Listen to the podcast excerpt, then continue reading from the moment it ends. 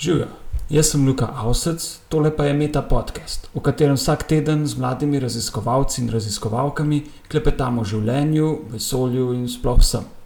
Moji sogovorniki so znanstveniki, pred zaključkom doktorata z različnih področji znanosti. Meta podcast domuje na spletišču metina.si, kjer lahko komentirate, dajete predloge ali podprete naše delo. Sledite nam na Facebooku Metine liste ali na Twitterju hashtag MetaPodcast. Danes je z mano Ana Ušlizvo. Ana, dzień dobry. Dzień dobry. Ana je biotehnologinja in mikrobiologinja po izobrazbi, po poreklu pa poljakinja. In uh, to je za nas, male slovence, vedno zanimivo, zakaj tujci pridejo sem, kaj si v nas mislijo. Zato, preden začnemo znanosti, nujno te moram vprašati, kako se ti zdimo slovenci? ja. ja, zelo težko vprašanje, zato ker slovenci in poljaki niso dosti drugačni. Um, tudi jezik. M, mm, jezik je gramatično podoben, čeprav, če se nisi nikoli učil slovenščino, ne boš dosti razumel no, kot poljak in obratno. Sami slovenci, pa mogoče v primerjavi s Polaki, se mi zdijo nekoliko bolj sproščeni, malo manj skrbijo za prihodnost, bolj kreativno preživljajo prosti čas, mogoče se več ukvarjajo z športom. Kako si prvič prišla sem? Zakaj si potem tukaj ostala, si se vrnila? Kakšna je ta zgodba? Moj prvi obisk v Sloveniji je bil mogoče malo naključen. Iskala sem laboratorija za izmenjavo, ne izmenjavo, Erasmus prakso. Mm, to je trimesečna štipendija, to je bil prvi let, peti letnik študija. In zanimale so me precej Balkane, ampak da je bila Slovenija edina država, ki je bila takrat član Evropske unije in je bila najbližja Balkanu, sem se odločila za Slovenijo in tukaj sem kontaktirala profesorico Ines Mandič-Mulec, ki mi je tudi hitro odgovorila na mail in smo se zelo hitro zmenili, da lahko pridem uh, za to trimesečno prakso. To je bila leta 2009. Potem pa si se odločila tukaj upraviti še cel doktorat. Si bila tudi štipendistka? Ja, ja ne takoj. Um, po praksi sem se odločila diplomirati in začeti eh, delo uh, v svojem poklicu, tako da kot biotehnolog na Polskem. Delala si na Polski akademiji znanosti? Hitro sem dobila prvo zaposlitev, uh, po parih mesecih iskanja. Tam delo je bilo tudi zelo zanimivo, ukvarjala sem se z bakteriofagi, bakteriofagi kot alternativa antibiotikov, ampak uh, plača je bila bolj slaba in tudi možnosti napredovanja niso bile obetavne. Um, tako da sem bila zelo vesela, ko, ko so me obvestili iz uh, laboratorija Ines uh, Mandič-Mulec, da, da se odpira. Um, mesto za mladega raziskovalca in uh, sem se takoj prijavila.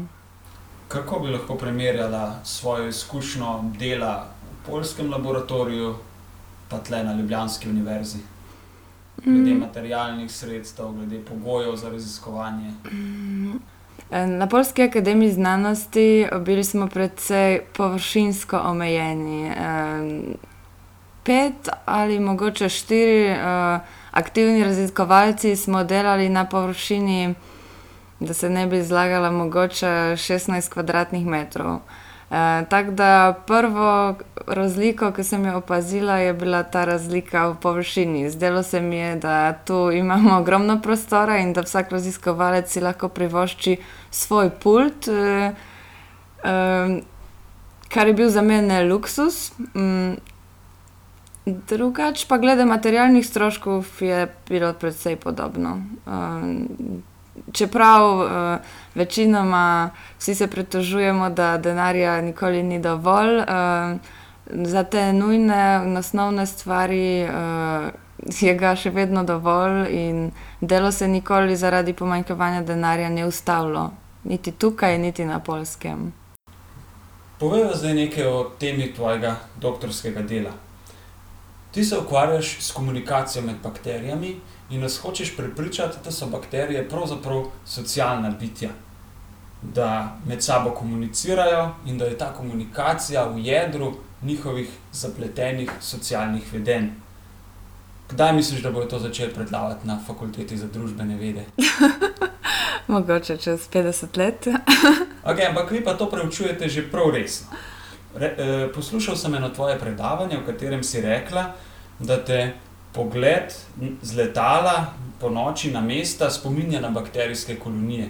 Da te ceste, ta komunikacija zgleda zelo podobno kot tebi zgleda bakterijska kolonija na plošči kaj počnejo bakterije, kakšno je njihovo socialno vedenje. A nam lahko daš nekaj primerov, na kakšen način bakterije s pomočjo komunikacije delujejo kot socialni organizmi? Mm, v redu. Tako da sama komunikacija je že socialen proces. Zato, ker vsaka bakterija eh, tekom rasti izloča en kemični signal, eh, in eh, veliko bakterij. Eh, pomeni veliko signala. Pomeni veliko signala. Tako da vsaka bakterija prispeva nekako s informacijo, kot celi združbi. Iz te uh, posledice uh, te komunikacije so naslednje socialne vedenja, produkcija takega zaščitnega plašča.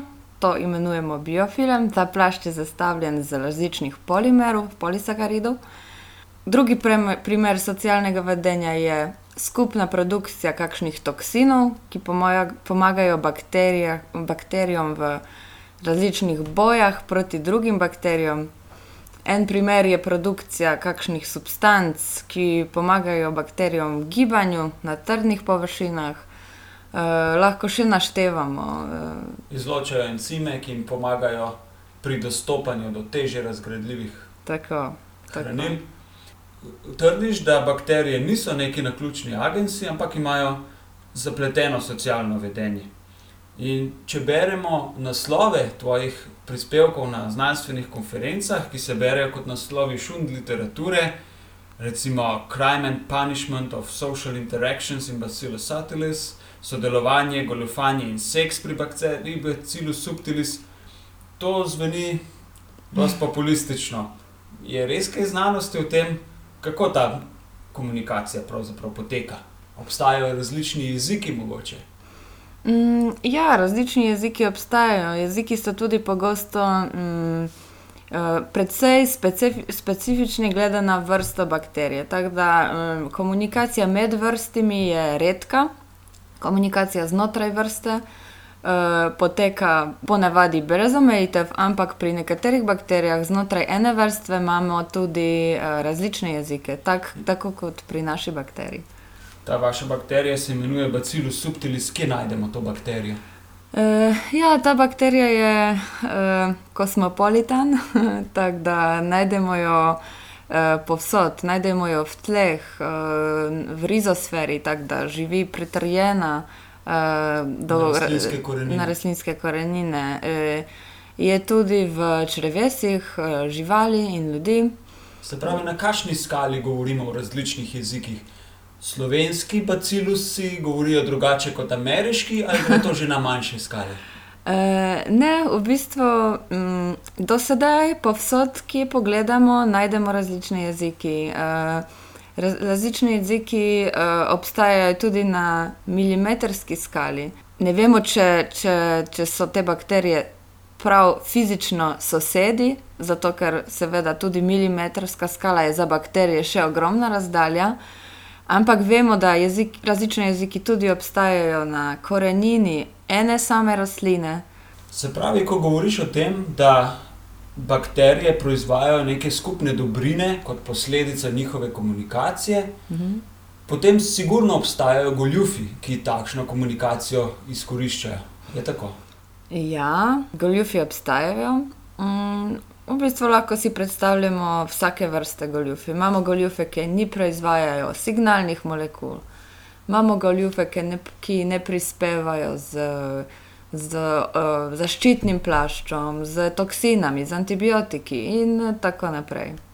Kako dosežejo naravne populacije, da jih goljufi ne preplavijo? Zakaj goljufi ne prevladajo, ampak vendarle prevlada skupno kooperativno vedenje? Ja, to je ena od še vedno ne do konca rešenih zadev.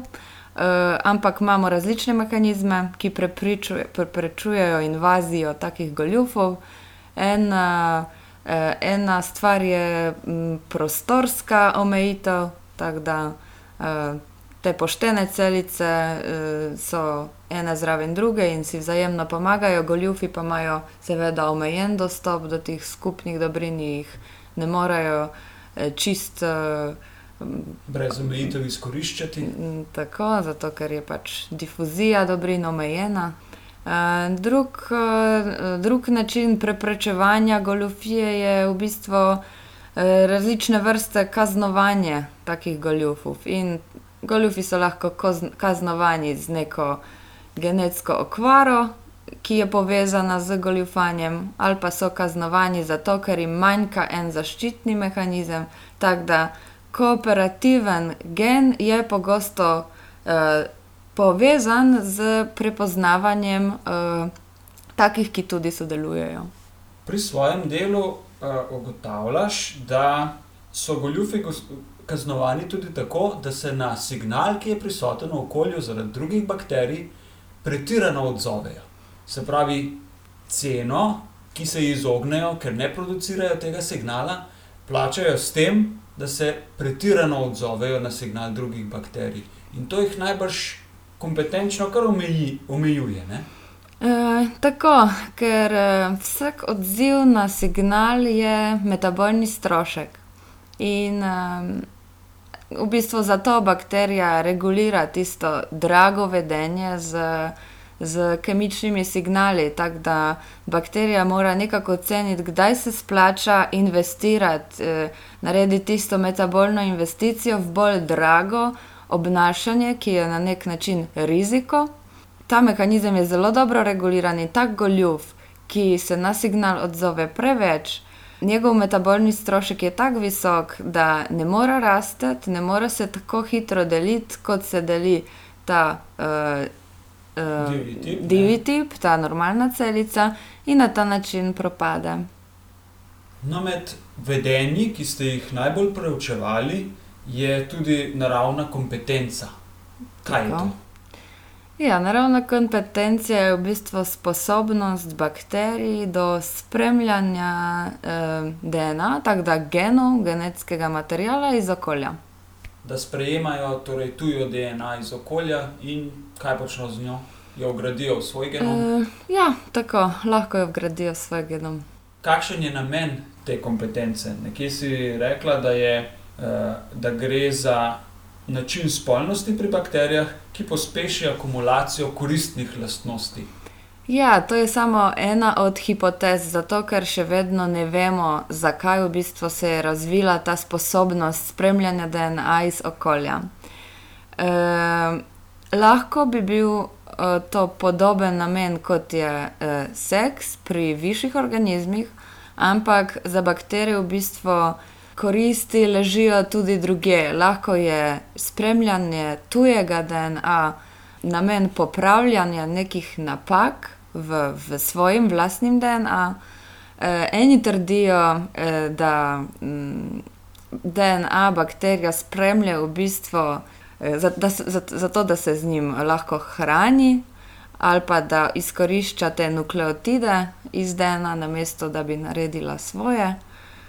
Tako da teorij je veliko, ampak jaz sem osebno, jaz, podpiram teorijo, DNA za, za rekombinacijo. Bakterije torej, da sprejmejo DNA zato, da pridobijo neke nove, drugačne lastnosti. Tako. Ukvarjala si se tudi z bakterijami, ki živijo v neposredni povezavi z rastlinami, na površini samih korenin. Kaj počnejo tam? Tukaj spet, bakterije izoliramo iz rizosfere, iz korenin in preučujemo v in jih preučujemo v laboratoriju. Tako da lahko samo sklepamo, ugibamo, kaj bi lahko počele na korenine. ampak um, obstaja že nekoliko dokazov, da bakterije lahko spodbujajo rast rastlin, da delujejo zaščitno, eh, da onemogočajo eh, kakšnim patogenim bakterijam, da zasedejo rizosfero in eh, poškodujejo rastlino. Se pravi, raziskave, ki jih delate, imajo ali pa bodo imele v prihodnje tudi neko neposredno uporabno vrednost. Mm, ja, verjamemo, da ja. Se to že kje na svetu uporablja? Biozaščitne eh, preparate se uporablja, eh, čeprav v Evropi uporaba je še vedno omejena. Ko rečeš biozaščitne preparate, kaj misliš s tem? Eh, no, tu mislimo predvsem na eh, preparate, ki vsebujejo bakterijske spore. In te spore potem kaj posuvajo po poljih in Mm, upajo na ugodni učinek na rast rastlin. ja, v ogromnih količinah eh, te spore se eh, posuva po poljih, tako kot si rekel, imajo zaščitniško vlogo. Ja. In pri tem ne bi bila znova komunikacija bistvo socialnega vedenja in bistvo te funkcije. E, tega še ne vemo, to je spet bila naša predpostavka, zato ker e, komunikacija pri naši bakteriji Bacillus subtilis regulira take vedenja, ki lahko e, so zelo pomembna za rastlino in to je produkcija substance, ki omogoča pretrjevanje na korenino, ki je tudi e, toksin za patogene organizme. E, Povejva še nekaj besed o teh jezikih, to me najbolj zanima. Koliko jezikov ste vi našteli pri bakteriji Bacillus subtilis? E, do zdaj mislim, da tri do štiri. In te bakterije se razumejo med sabo, so to samo narečja istega jezika ali gre prav za ločene, komunikacijsko ločene populacije?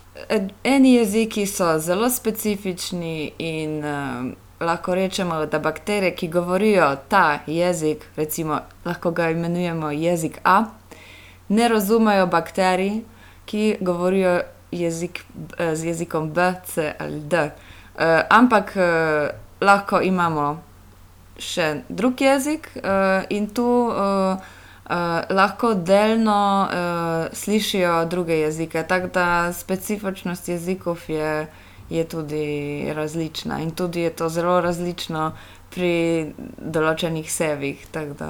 Se ti zdi, da novi jeziki še vedno nastajajo, bi se jih dal nekako narediti, spodbuditi njihov nastanek v laboratoriju morda? Mm, mislim, da preden eh, odgovorimo na to vprašanje, moramo odgovoriti na vprašanje, zakaj jezike sploh obstajajo. Zato, ker tega še vedno ne vemo, lahko samo ugibamo. In zanimivo je, zakaj se jeziki ohranjajo. Ne? Ja, tako. Tudi na tako drobni skali, kot je milimeter ali pa gram prsti. Mhm. Dajva za konec pogledati še te klasične vprašanja, ki jih zastavim vsakmu intervjuvancu, da te še malo osebno spoznamo. Katere nam znane ali neznane osebe bi povabila k sebi na večerjo, če ne bi bilo nobenih omejitev? Ja, zdaj pa mogoče zelo znanih, ne vem, kakih igralcev ali pevcev, ali mogoče tudi znanstvenikov ne bi vabila, ker bi bila precej ta večerja stresna. Uh, jaz bi predvsem povabila prijatelje ki, iz Polske, uh, ki jih zelo redko srečam. Ampak, če bi se imela že za nekoga odločiti, bi izbrala Davida Attenborougha. Če bi podedovala 15 hektarov zemlje, kaj bi z njo? Ja, zdaj ne vem, koliko je vredno 15 hektarov zemlje, ampak uh, mogoče te bom razočarala, zemljo bi verjetno prodala. In, eh, Bolj mestno dekle. ne, Tako, ja. Ti je lažje izbrati najljubše živo bitje ali pa morda najljubše umetniško delo, bodi si likovno, literarno, glasbeno. ja, tu definitivno kot ljubiteljica mačk izbiram živo bitje. Kje se vidiš čez pet let, pa kaj boš počela čez 40 let? Ja, zdaj po doktoratu, po zagovoru doktorata in v tem obdobju iskanja službe, to vprašanje se pogosto pojavlja na različnih intervjujih, pa, pa tudi prijavah za mednarodne štipendije. Uh, ja, čez pet let se vidim uh, še vedno v raziskovanju, mogoče uh, po postdoku. Uh, v Sloveniji, uh, na Polskem. Mogoče nekje v Evropi, ampak glede države nisem odločena. Um, čez 40 let boš že v pokoju? To, čez 40 let upam, da bom uh, kakšna profesorica, uh, vodja ene raziskovalne skupine. Ugledna dama, uh, ja. dobrodošla na banketih raznih velikih konferenc. Ja, tako občasno, ker bom že precej. Uh, Gospane. Ja, ja.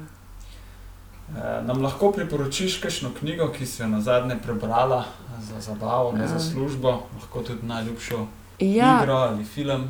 Glede filmov, gledam serije, ki jih verjetno vsi poznajo. Zadnjo knjigo, ki no, jo še nisem do konca prebrala, ampak priporočam knjigo Sapiens, kratka zgodovina človeštva od Hararija. Imáš kakšno najljubšo spletno stran? Ok, uh, pameten odgovor zdaj. ne, resničen odgovor. Dobro, pogosto pregledujem Reddit Science, ampak moja najljubša spletna stran je uh, nažalost še vedno uh, polski uh, trač. Ana, si želiš več prostega časa, kot ga imaš trenutno? Kaj bi s tem prostim časom? Mm, si želim več prostega časa, ampak ne veliko, mogoče bi imela rada malo več časa za šport, tek, ampak kakšno urco na dan več, to je to. Ana, hvala za pogovor. Hvala. Poslušali ste Meta podcast. Pohvale, pripombe in predloge za bodoče goste nam lahko posredujete tudi po e-mailu na znanostafnametina.com. Sicer pa nas poiščite na Facebooku, Metine liste in na Twitterju, kjer mene najdete kot AdInLife, čivki v podkastu pa ima hashtag MetaPodcast. Vse oddaje s povezavami na domače branje so doma na spletnem portalu metinalista.com, kjer lahko ta projekt tudi finančno podprete. Hvala in naslišanje prihodnič.